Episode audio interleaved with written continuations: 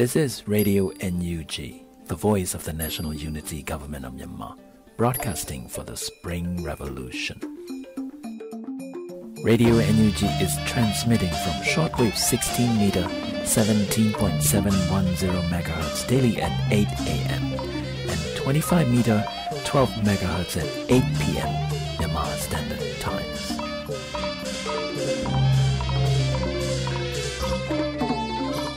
ဂလာပါခင်ဗျာအမျိုးသားညီညွတ်ရေးအစိုးရရဲ့အသံလွှင့်ဌာန Radio NUG ကိုမနေ့၈နာရီမှာလိုင်းဒိုမီတာ16မီတာ18.87 MHz ညဘက်မှာလိုင်းဒိုမီတာ25မီတာ12 MHz တို့မှာတိုက်ရိုက်ဖမ်းယူနားဆင်နိုင်ပါပြီမင်္ဂလာအပေါင်းနဲ့ပြည့်စုံကြပါစေခုချိန်ကစပြီး Radio NUG အစီအစဉ်လေးကိုဓာတ်ရိုက်အသံလွှင့်ပေးနေပါပြီ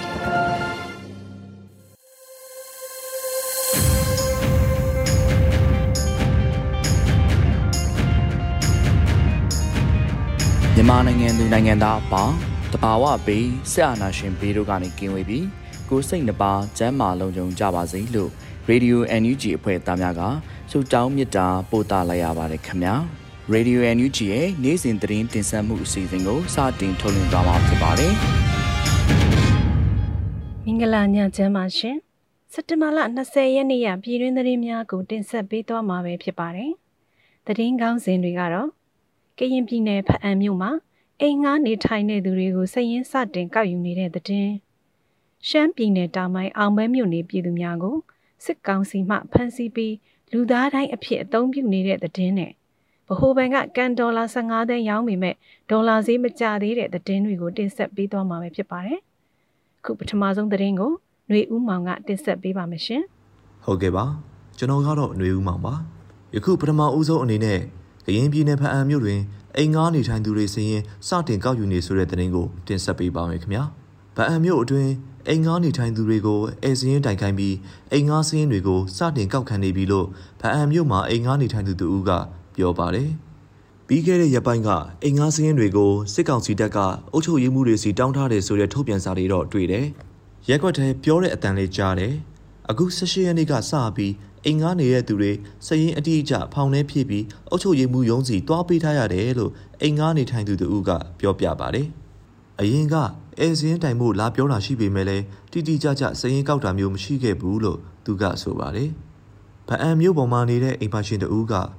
ရက်ွက်တဲ့အိမ်ငားပေးထားတဲ့သူရှိရင်အိမ်ရှင်တွေကိုယ်တိုင်ကအိမ်ငားသူတွေရဲ့စရင်ကိုအသေးစိတ်ကောက်ပြီးရက်ွက်ရုံကိုတွားတင်ပြရတယ်။အရင်တုန်းကတော့ဒါမျိုးတွေမပေးရဘူးပေါ့လို့ပြောပါတယ်။ လက်ရှိဖအံမြို့ပေါ်တွင်အိမ်ပိုင်ရှင်များအနေနဲ့အိမ်ငားရမ်းရာမှာမြို့ကန်တွေရဲ့အသည့်တွေထောက်ခံပေးတာတွေရှိမှသာအိမ်ကိုငားရမ်းပေးတော့တယ်လို့လည်းဒေသခံအချို့ကပြောပြပါတယ်။အခြားမြို့နယ်ကနေလာရောက်ငားရမ်းသူတွေကိုရက်ခွက်ထောက်ခံစာပါမှသာငားရမ်းပေးတယ်လို့လည်းဒေသခံတွေပြောပြချက်အရသိရပါတယ်။ပြီးခဲ့တဲ့ရက်ပိုင်းကကရင်ပြည်နယ်နဲ့မွန်ပြည်နယ်အတွင်းရှိမြို့ရွာရက်ကွက်အတွင်းငားရမ်းနေထိုင်သူတွေနဲ့ အိမ်ငားပိုင်ရှင်တွေရဲ့စရင်အသေးစိတ်ကိုကောက်ယူပြီးစစ်ဆေးရေးဌာနချုပ်ကိုတင်ပြဖို့လူမှုကွန်ရက်စာမျက်နှာတွင်ပြန့်နှံ့နေတာကိုလည်းတွေ့မြင်ခဲ့ရပါတယ်။ဗအံမြို့အနီးရှိဂျေးရွာဒီစီမှာလည်းစရင်ကောက်ခံတာမျိုးမရှိပေမဲ့နီးစပ်ရာဆွေမျိုးအလဲလာတာမျိုးရှိခဲ့ရင်တော့ရွာသူကြီးကလာမေးမြန်းတာမျိုးရှိတယ်လို့ဒေသခံတအူးကပြောပြပါတယ်။ဘယ်သူလာလဲ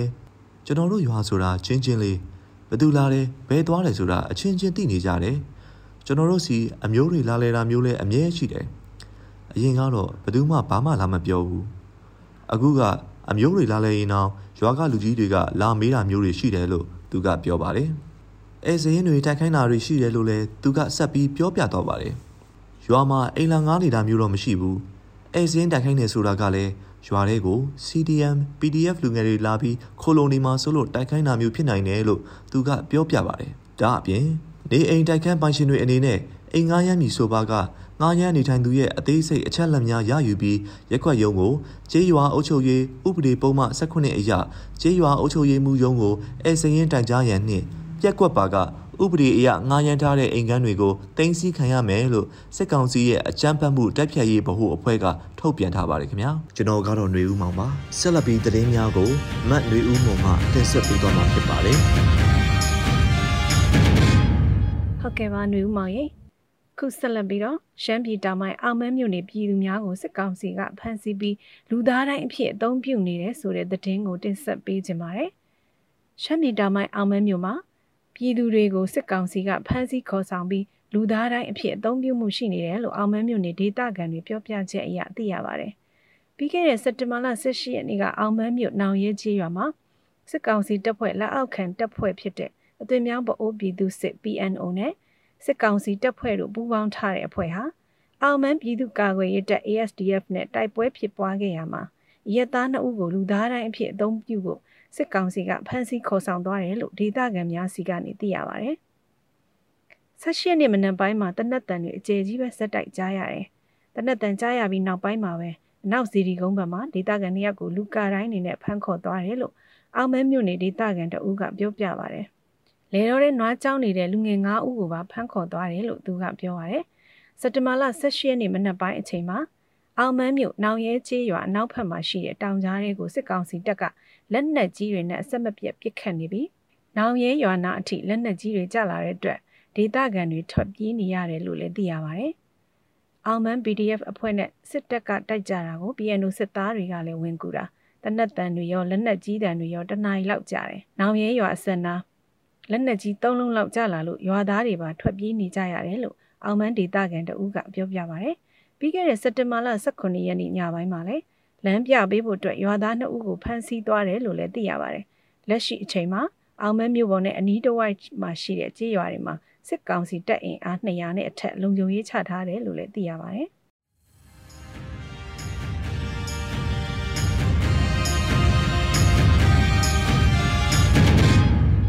ဆက်လက်ပြီးတင်ဆက်ပေးခြင်းတဲ့သတင်းကတော့ဗဟိုဘဏ်ကကန်ဒေါ်လာ15သန်းရောင်းချပေမဲ့ဒေါ်လာဈေးကျမသွားတဲ့သတင်းပဲဖြစ်ပါတယ်။ပြည်တွင်းငွေလဲနှုန်းသိတာစွာကျဆင်းလာမှုမရှိသေးတဲ့အတွက်ဗဟိုဘဏ်ကစက်တင်ဘာလ20ရက်နေ့မှာအမေရိကန်ဒေါ်လာ15သန်းကိုငွေလဲနှုန်း1950ကျပ်နဲ့ထပ်မံရောင်းချခဲ့တာပဲဖြစ်ပါတယ်။ဗဟိုဘဏ်ကဒေါ်လာတွေထပ်မံရောင်းချပေးနေပေမဲ့လို့ငွေလဲနှုန်းဟာသိတာစွာကျဆင်းလာမှုမရှိသေးဘူးလို့စီးပွားရေးလုပ်ငန်းရှင်တွေကနေသိရပါတယ်။ ဗဟိုဘဏ်ကတော့ဒေါ်လာဈေးကျသွားအောင်ဆိုတဲ့ရွေးချက်နဲ့ထုတ်ရောင်းပေးနေတာပေါ့ဒါပေမဲ့အပြင်မှာထင်သလောက်တိတိတသားကျသွားတာမျိုးမရှိသေးဘူးဒေါ်လာဈေးပြန်ကျလာအောင်ထိန်းချုပ်ဖို့တော့မလွယ်ဘူးလို့အမည်မဖော်လိုသူစီးပွားရေးလုပ်ငန်းရှင်တဦးကပြောပြပါဗျ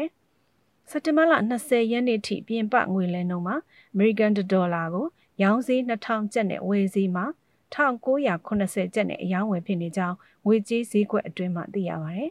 မြန်မာနိုင်ငံဗဟိုဘဏ်ဟာ ဖေဖော်ဝါရီလကနေစပြီးယနေ့စက်တင်ဘာလ20ရက်နေ့ထိဒေါ်လာ38တန်းအထိရောင်းချခဲ့ပြီးပဲဖြစ်ပါတယ်ရှင်။ကျမຫນွေဦးမွန်ပါ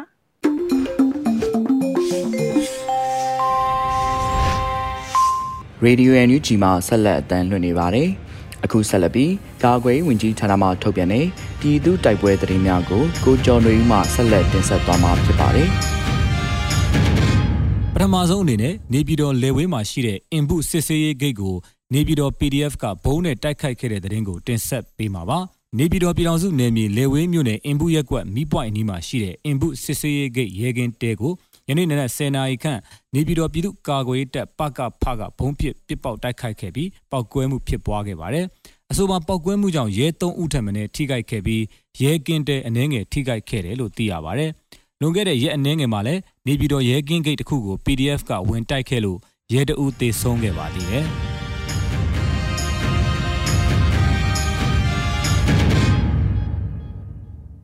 ဆက်လက်ပြီးထန်တလန်မြို့ရင်းတိုက်ပွဲမှာစစ်ကောင်စီဘက်က30ကျော်ကြာဆုံးတဲ့တဲ့ရင်ကိုတင်ဆက်မှာပါ2021ခုနှစ်စက်တင်ဘာလ18ရက်နေ့မနက်10:00နာရီမှညနေ4:00နာရီအထိအကြမ်းဖက်စစ်ကောင်စီစစ်တပ်နဲ့ CDF ထန်တလန် CNA ရဲဘော်များထန်တလန်မြို့အတွင်းမှာပစ်ခတ်တိုက်ခိုက်မှုများဖြစ်ပွားရာစကားစတပ်ဖက်က30ကျော်တေဆုံးပြီး CDF CNA တပ်ဖက်ကထိခိုက်ဒဏ်ရာရရှိမှုမရှိဘူးလို့ CDF ထန်တလန်ကထုတ်ပြန်ထားတာပါအကြမ်းဖက်စစ်အုပ်စုများအနေနဲ့ထန်တလန်ပြည်သူပြည်သားများအပေါ်အကြမ်းဖက်မှုများညအချိန်မတော်အဲဇင်းစစ်ဆေးမှုများနဲ့ အများပြည်သူလုံခြုံမှုကိုဆက်လက်ထိပါနှောက်ယှက်နေတဲ့၍ CDF ထန်တလန်အနေနဲ့အမြင့်ပြတ်ခြေမုံတိုက်ခိုက်သွားမယ်လို့ CDF ထန်တလန်ကသတိပေးစာလည်းထုတ်ပြန်ထားပါသေးတယ်။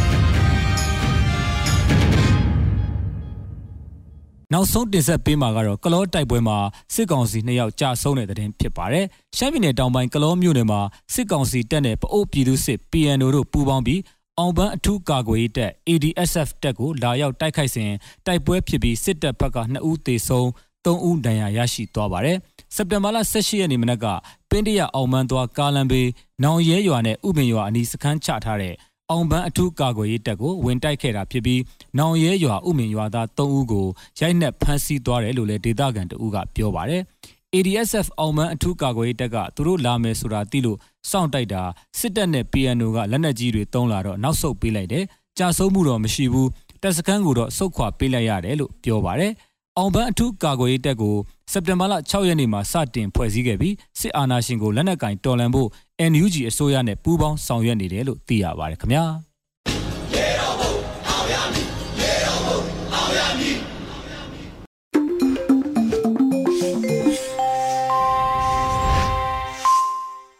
ရေဒီယိုအန်ယူဂျီမှာဆက်လက်တမ်းလွှင့်နေပါတယ်။မိဘပြည်သူများနာတော်တာစင်နိုင်ရဲ့တော်လိုင်းတိဂီတာအစီအစဉ်ကိုတင်ဆက်ပေးသွားမှာဖြစ်ပါတယ်။ရေဒီယိုအန်ယူဂျီကိုပေးပို့လာတဲ့ဒေသချင်းများတွေကတေးရေးတေးဆိုနေဖုံးရဲ့ຫນွေဦးတော်လိုင်းရေးလို့အမည်ရတဲ့ဒေသချင်းလေးကိုတင်ဆက်ပေးသွားမှာပဲဖြစ်ပါတယ်။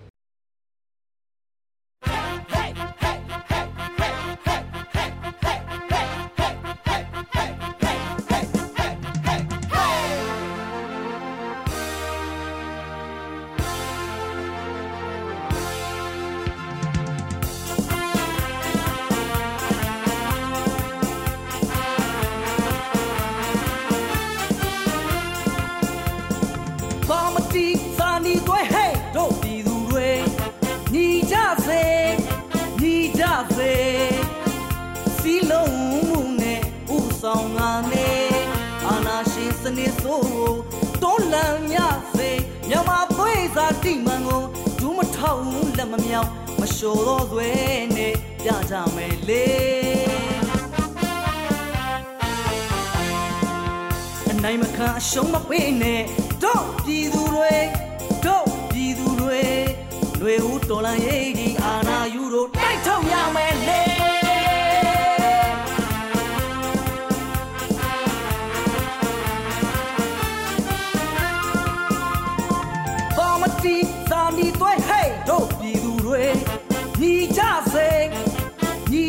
စေစီလုံးမှုနဲ့ဥဆောင်ငါနဲ့အနာရှင်စနစ်ဆိုတော်လန်ညစေမြောင်မပွေစားတိမန်ကိုဒူးမထောက်လက်မမြောင်မလျှော်သောသွေးနဲ့ပြကြမယ်လေအနိုင်မခံအရှုံးမပေးနဲ့တို့ပြည်သူတွေတို့ပြည်သူတွေလူဦးတော်လန်ရေးဒီအာနာယူတို့ လိုက်ထုတ်ကြမယ်လေ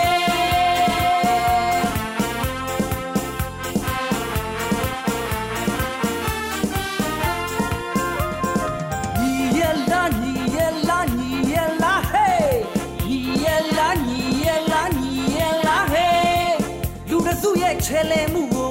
လက်မခံမူလေအပြတ်တွန်းလှန်အောင်ရမယ်စနစ်ဆိုးကိုနိုင်ရမယ်လေ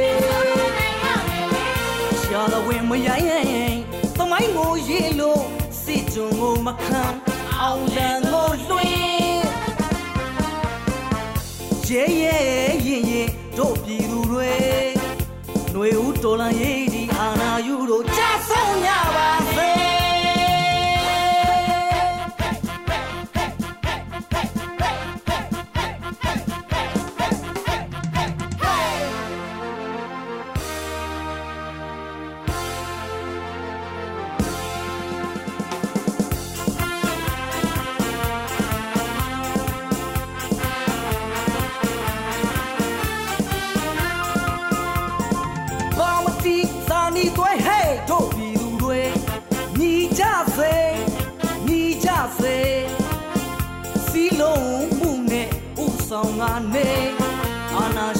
နေဆိုကိုတိုးလန်ညစိမြန်မာသွေးစာတိမန်ကိုဒူးမထောက်လက်မမြောက်မလျှော်သောဇွဲနဲ့ပြကြမယ်လေအနိုင်မခါအရှုံးမပေးနဲ့တို့ပြည်သူတွေတို့ပြည်သူတွေຫນွေဦးတော်လန်ရေးကြီးအာနာ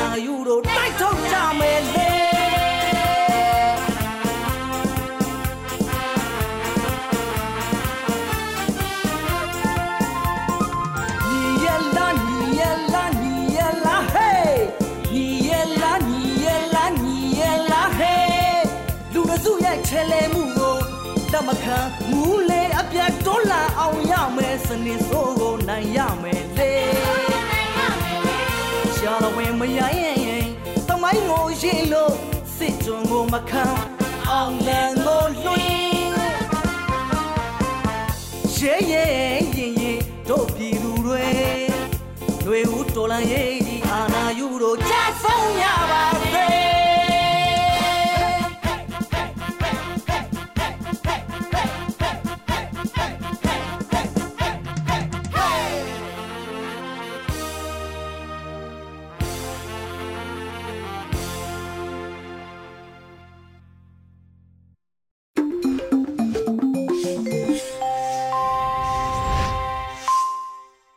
ခုဆက်လက်ပြီးလူအခွင့်အရေးချိုးဖောက်မှုများကိုမှတ်တမ်းတင်ခြင်းအစီအစဉ်ကိုတင်ဆက်ပေးသွားမှာဖြစ်ပါတယ်။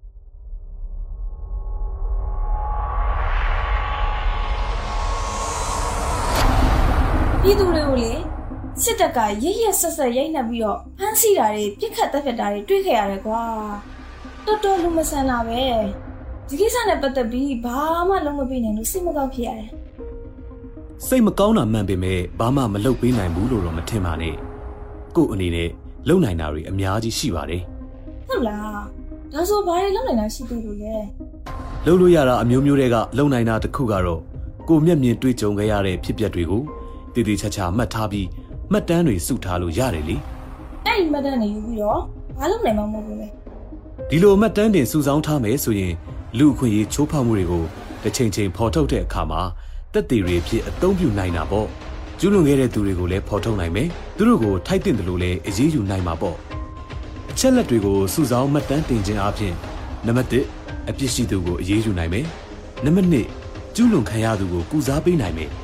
နံပါတ်3ဒီလိုလူအခွင့်အရေးချိုးဖောက်မှုတွေကိုသင်ခန်းစာယူပြီးနောက်ထပ်မဖြစ်အောင်လူလူကိုအတိပေးနိုင်မှာဖြစ်ပါတယ်โอ้ဒါဆိုတော်တော်အကျိုးရှိတာပဲ အဲ့ဒါဆိုရင်တည်တဲ့မြအချက်တွေတည်တည်ရှာရှာမှတ်ထားရမှာပေါ့ကိုတွေးခဲ့တဲ့သတင်းကိုမှတ်ထားရုံနဲ့မပြီးသေးပါဘူးအကျိုးရှိတဲ့ရလဒ်တွေဖြစ်လာဖို့အတွက်လုပ်ငန်းစဉ်အစဉ်အစဉ်ကိုစနစ်တကျလှုပ်ဆောင်ဖို့လိုပါတယ်ဘယ်လိုအစစ်စစ်လုပ်ဆောင်ရမလဲဆိုတာပြောပြပါဦးသတင်းအချက်လက်တွေကိုတိတိကျကျရဖို့အတွက်ကျူးလွန်ခံရတဲ့သူဒါမှမဟုတ်ရင်မျက်မြင်သက်သေတွေကိုအချိန်ပေးပြီးငြင်းမြန်းရမှာဖြစ်ပါတယ်ရရှိလာတဲ့အချက်လက်တွေကိုပြန်အသုံးပြုတဲ့အခါမှာ ပြန်ရှာနိုင်ဖို့အတွက်စနစ်တကျသိမ်းဆည်းရပါမယ်ကွန်ပျူတာပဲဖြစ်ဖြစ်အွန်လိုင်းမှာပဲဖြစ်ဖြစ်လုံလုံခြုံခြုံသိမ်းဆည်းမှတ်တမ်းတင်ရပါမယ်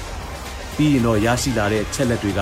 မှားသလားမှန်သလားသေချာစစ်ဆေးရပါမယ်အကြောင်းအရာတွေကိုတည်တည်ချာချာသူတေသနာလုပ်ရပါမယ်ရေးသားရပါမယ်နောက်အဆင့်ကတော့ကိုတွေ့ရှိထားတဲ့အချက်တွေကိုတာဝန်ရှိသူနဲ့အများသိရှိစေဖို့လှုံ့ဆော်ရပါမယ်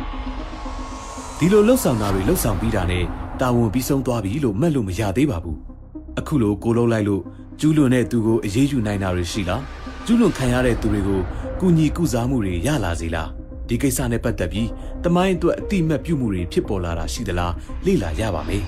ဒီလိုရလက်ထွက်ပေါ်လာနိုင်မှအကျိုးရှိတယ်လို့ပြောနိုင်မှာဖြစ်ပါတယ်တရင်ရှက်လက်တွေစူးစောင်းတဲ့အစင်စင်တော့တည်ပြီးတရင်တွေသွားယူရမယ်ဒီလိုချက်ချင်းသွားလို့မရဘူးလေဒီမေးခွန်းတွေကိုဖြေကြည့်ပါဦးသွားရမယ့်လမ်းကြောင်းကိုတည်တည်ချာချာစုံစမ်းပြီးပြီလား သွားရောက်မယ့်ဒေတာအကြောင်းကိုလေ့လာပြီးပြီလားလုံခြုံရေးနဲ့ပတ်သက်ပြီးစုံစမ်းပြီးပြီလားဆက်သွယ်ရမယ့်သူတွေကိုအကြောင်းကြားထားပြီးပြီလားဘယ်ပစ္စည်းတွေကိုယူဆောင်သွားမလဲစဉ်းစားပြီးပြီလားပစ္စည်းတွေကောင်းမကောင်းစစ်ဆေးပြီးပြီလားအရေးပေါ်တစ်ခုခုဖြစ်လာရင်ဘယ်လိုတုံ့ပြန်မလဲစဉ်းစားထားပြီးပြီလားအရေးပေါ်ဖြစ်လာရင်ဘယ်သူကိုဘယ်လိုဆက်သွယ်မလဲဆိုတာပြင်ဆင်ပြီးပြီလားလုံခြုံရေးအတွက်အရေးပေါ်သုံးရမယ့်စကားဝတ်တွေကိုတတ်မှတ်ပြီးပြီလား လိုအပ်တဲ့ငွေကြေးစေဝါတွေရောပြင်ဆင်ပြီးပြီလားဘယ်သူကလို့ပြောလိုက်ရင်ချိုးဖောက်တဲ့သူရဲ့အမည်တာဝန်အဖွဲ့အစည်းကြားမှစသဖြင့်ရနိုင်တဲ့အချက်လက်မှန်သမျှကိုကောက်ယူစုဆောင်းရပါမယ်ဘယ်သူကိုဆိုတာကတော့ချိုးဖောက်ခံရတဲ့သူနစ်နာသူကိုပြောတာဖြစ်ပါတယ်သူရဲ့အမည်အသက်ကြားမှနေရက်ထူးခြားတဲ့ဝိသေသစတာတွေကိုအတက်နိုင်ဆုံးပြည့်ပြည့်စုံစုံကောက်ယူရပါမယ် ဘယ်ချိန်ဆိုတဲ့နေရာမှာနာရီရက်လနေ့ခုနှစ်စတာတွေကိုမေးမြန်းရပါမယ်အဲ့ဒီလိုအတိအကျမပြောနိုင်ရင်အနည်းဆက်ဆုံးအချိန်ကိုခံမှန်းမေးမြန်းရပါမယ်ဘယ်နေရာဆိုရင်လမ်းရက်ကွက်မြို့မြို့နယ်တိုင်းတို့အပြင်ဖြစ်ပွားရာနေရာကိုအတိအကျဆုံးဖြစ်အောင်မေးမြန်းဖို့လိုပါမယ်။ဘာလုပ်ခဲ့တယ်လဲဆိုတာနဲ့ပတ်သက်ရင်တော့ဘယ်အခွင့်အရေးတွေချိုးဖောက်ခံရတယ်လဲဆိုတာကိုမှတ်တမ်းတင်ရပါမယ်။ရိုက်တာလား ဖမ်းတာလားတက်တာလားစသဖြင့်ပါ။ဘယ်လိုလုပ်လဲဆိုတဲ့အကြောင်းအရာမှာတော့ဖြစ်စဉ်အသေးစိတ်ကိုသိရှိအောင်လုပ်ရပါမယ်။အသေးစိတ်သိဖို့ဆိုရင်တက်သေးတွေအထောက်ထားတွေမှတ်တမ်းတွေကိုအတက်နိုင်ဆုံးရနိုင်သမျှစုဆောင်းရပါမယ်။မျက်မြင်သက်သေမရှိတဲ့အခြေအနေဆိုရင်လည်းအနည်းဆက်ဆုံးသက်သေတွေကိုစုဆောင်းရပါမယ်။ကဲရောက်တော့လာပြီအင်တာဗျူးတော့မယ် အင်တာဗျူးတော့မယ်ဆိုရင်တတိထားရမယ့်အချက်တွေရှိပါတယ်။ဒီဒေတာမှာဘာတွေဖြစ်နေလဲ။ဘယ်သူတွေပါဝင်ပတ်သက်နေသလဲ။ဘာအကြောင်းတွေကိုကိုကသိကျင်တာလဲဆိုတာကိုတည်တည်ချာချာပြန်စဉ်းစားပါ။ဘယ်သူကိုမေးနိုင်မလဲစုံစမ်းပါ။အကောင်းဆုံးကတော့ကိုယ်တိုင်ကြုံတွေ့ခဲ့ရသူပါ။မရနိုင်ရင်တော့မျက်မြင်သက်သေကိုရွေးပါ။နောက်ပြီးရင်တော့အင်တာဗျူးကိုဘယ်နေရာမှာလှုပ်ဆောင်ရင်ကောင်းမလဲရွေးပါ။စိတ်ချလုံခြုံတဲ့နေရာမျိုးဖြစ်ပါစေ။ အင်တာဗျူးတော့မယ်ဆိုရင်အင်တာဗျူးအတွက်ကိုယ့်ရဲ့စိတ်ကိုစူးစီးပါဖြေကြားမဲ့သူကိုတက်တောင့်တက်တာဖြစ်အောင်လုပ်ပါရင်းရင်းနှီးနှီးဖော်ဖော်ရွရွဆက်ဆံပါကိုကိုကိုဘဲသူဘဲဝါဖြစ်ကြောင်းမိတ်ဆက်ပါ ရှင်းပြပါဘာအကြောင်းအရာကိုသိကျင်ကြောင်းရှင်းပြပါမပြောလို့ရင်မပြောဘဲနေနိုင်ကြောင်းလဲကြိုတင်ပြောပါတရခန်စစ်တယ်လို့မစစ်ပါနဲ့ဖြေကြားမဲ့သူအစဉ်ပြေပြီဆိုမှမိကုန်းတွေကိုစတင်ပါ တကယ်လို့အတန်ဖမ်းမယ်တက်ပုံရိုက်မယ်ဆိုရင်ခွင့်ပြုမပြုတည်တည်ချာချာခွင့်တောင်းပါမေကွန်းတွေလွတ်လွတ်လပ်လပ်ဖြေနိုင်ဖို့အတွက်အဖွင့်မေကွန်းများကိုသုံးပါအသေးစိတ်မေကွန်းတွေကိုလိုအပ်မှထပ်မေးပါဖြေချာသူနားလည်နိုင်မဲ့စကားအသုံးအနှုန်းကိုရွေးချယ်သုံးပါဖြေချာနေတဲ့သူရဲ့အခြေအနေကိုအမြဲလေ့လာပါသူ့ကိုလေးစားအာရုံစိုက်နေကြောင်းပေါ်လွင်ပါစေအထင်သေးတဲ့ပုံစံအပြစ်တင်ရှုတ်ချတဲ့စကားမျိုးကိုရှောင်ရှားပါ လိုအပ်ရင်အနာပေးပါအချက်လက်တွေကိုတည်တည်ချာချာမှတ်သားပါအားလုံးပြီးဆုံးသွားရင်မိမိရေးသားထားတဲ့မတ်စုကိုအစအဆုံးပြန်ဖတ်ပါလိုအပ်ချက်များနဲ့မရှင်းတဲ့အချက်တွေကိုရှိရင်ပြန်မေးပါအားလုံးပြီးစီးသွားပြီဆိုရင်တော့နောက်ထပ်ဆက်သွယ်နိုင်မဲ့အဆက်အသွယ်ကိုတောင်းခဲ့ပါလိုအပ်ရင်ဆက်သွယ်မဲ့အကြောင်းကိုပြောထားပါမထွက်ခွာခင်မှာတော့ကျေးဇူးတင်စကားကိုမဖြစ်မနေပြောပါ လူအခွင့်အရေးချိုးဖောက်မှုများကိုစနစ်တကျမှတ်တမ်းတင်ခြင်းဖြင့်တရားမျှတမှုကိုဖော်ဆောင်ကြပါစို့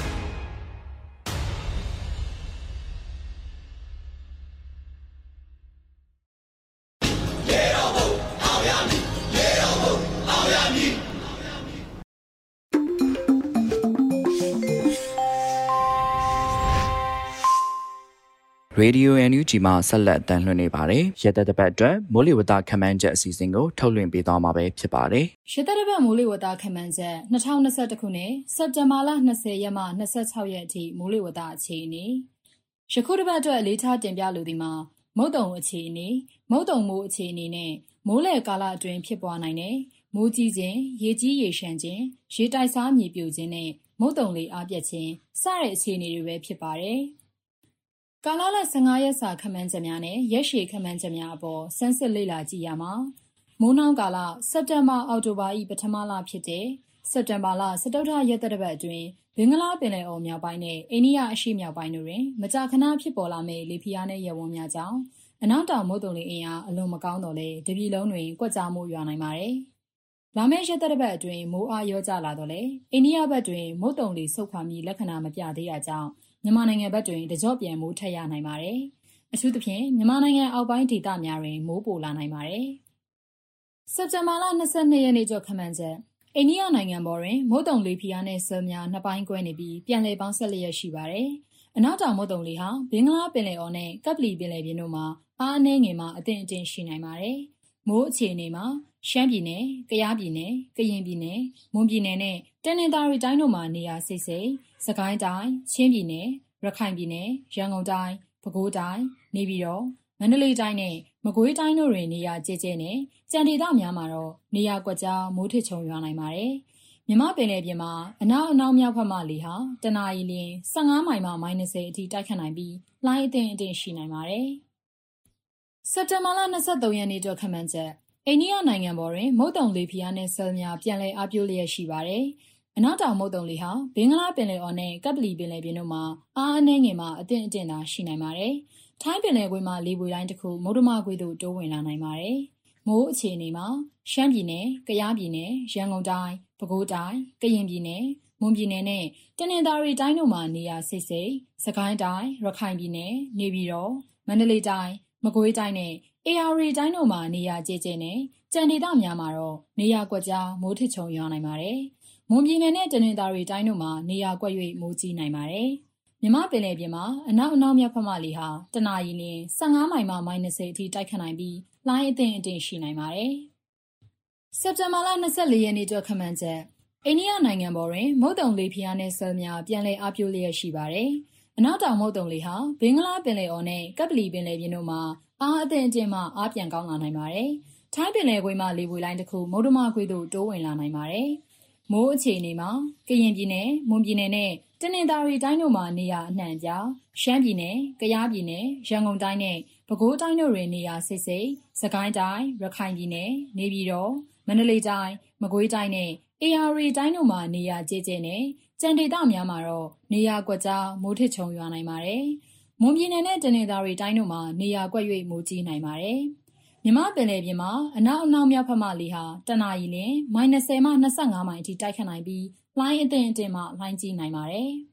။စက်တင်ဘာလ25ရက်နေ့အတွက် ခန့်မှန်းချက် အိန္ဒိယနိုင်ငံပေါ်တွင် မုတ်တုံလေဖျားနဲ့ဆယ်များ ပြန်လည်အားပြိုးလျက်ရှိပါတယ်။အနောက်တောင် မုတ်တုံလေဟာ ဘင်္ဂလားပင်လယ်အော်နဲ့ ကပ်ပလီပင်လယ်ပြင်တို့မှာ အားအသင့်အင့်မှ အားပြန်ကောင်းလာနိုင်ပါတယ်။ထိုင်းပင်လယ်ကွေ့မှာလေပွေလိုင်းတစ်ခု မုဒ္ဓမကွေ့သို့ တိုးဝင်လျက်ရှိပါတယ်။မိုးအခြေအနေမှာ ကရင်ပြည်နယ်၊မွန်ပြည်နယ်နဲ့တနင်္သာရီတိုင်းတို့မှာနေရာအနှံ့အပြားရှမ်းပြည်နယ်၊ကယားပြည်နယ်၊ရန်ကုန်တိုင်းနဲ့ပဲခူးတိုင်းတို့မှာနေရာစိတ်စိတ်စကိုင်းတိုင်းရခိုင်ပြည်နယ်နေပြည်တော်မန္တလေးတိုင်းမကွေးတိုင်းနဲ့အေရရီတိုင်းတို့မှာနေရာကျကျနဲ့ကြံဒေသများမှာတော့နေရာကွက်ကြားမိုးထစ်ချုံရွာနိုင်ပါတယ်။မွန်ပြည်နယ်နဲ့တနင်္သာရီတိုင်းတို့မှာနေရာကွက်၍မိုးကြီးနိုင်ပါတယ်။ မြမပင်လယ်ပြင်မှာ အနောက်အနောက်မြောက်ဖက်မှလေဟာ တနအီလမိုင်20မှ25မိုင်အထိ တိုက်ခတ်နိုင်ပြီး လှိုင်းအသင့်အင့်မှ လှိုင်းကြီးနိုင်ပါတယ်။စက်တင်ဘာလ26ရက်နေ့အတွက် ခန့်မှန်းချက် အိန္ဒိယနိုင်ငံပေါ်တွင် မုတ်တုံလေဖီယာနဲ့ဆယ်များ ပြန်လည်အားပြိုလျက်ရှိပါတယ်။အနောက်တောင်မုတ်တုံလေဟာ ဘင်္ဂလားပင်လယ်အော်နဲ့ကပ်ပလီပင်လယ်ပြင်တို့တွင် အားအသင့်အင့်မှ အားပြန်ကောင်းလာနိုင်ပါတယ်။ထိုင်းပင်လယ်ကွေ့မှ လေပွေလိုင်းတစ်ခုဟာ ဘင်္ဂလားပင်လယ်အော် အလယ်ပိုင်းသို့ တိုးဝင်လျက်ရှိပါတယ်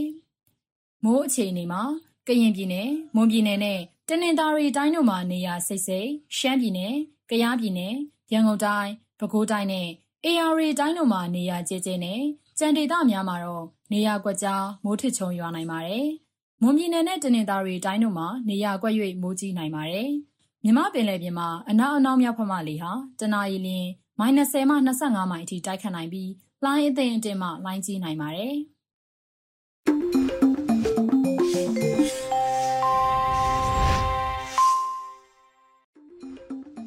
ဒီကနေ့တော့ဒီညနဲ့ပဲ Radio NUG အစီအစဉ်လေးကိုကိတ္တရန်နာလိုက်ပါမယ်မြန်မာစံတော်ချိန်မနေ့၈နာရီညနေ၈နာရီတို့မှာပြန်လည်တွေ့ဆုံကြပါစို့ Radio NUG ကိုမနက်၈နာရီမှာလှိုင်းဒိုမီတာ16မီတာ19.87 MHz ညဘက်မှာလှိုင်းဒိုမီတာ25မီတာ12 MHz တို့မှာတိုက်ရိုက်ဖမ်းယူနားဆင်နိုင်ပါပြီ။မြန်မာနိုင်ငံသူနိုင်ငံသားများ ကိုယ်စိတ်နှပြချမ်းမာချမ်းသာလို့ဘေးကင်းလုံခြုံကြပါစေလို့ Radio NUG အဖွဲ့သူအဖွဲ့သားများဆုတောင်းပေးလိုက်ပါတယ်။အမျိုးသားညီညွတ်ရေးအစိုးရရဲ့ဆက်သွယ်ရေးသတင်းအချက်အလက်နဲ့ဤပညာဝန်ကြီးဌာနကထုတ်လွှင့်နေတဲ့ Radio NUG ဖြစ်ပါတယ်။ San Francisco Bay Area ခြေဆိုင်မြန်မာမိသားစုများနဲ့နိုင်ငံတကာကစေတနာရှင်များလုံအားပေးများရဲ့ Radio NUG ဖြစ်ပါတယ်။အရေးတော်ပုံအောင်ရမည်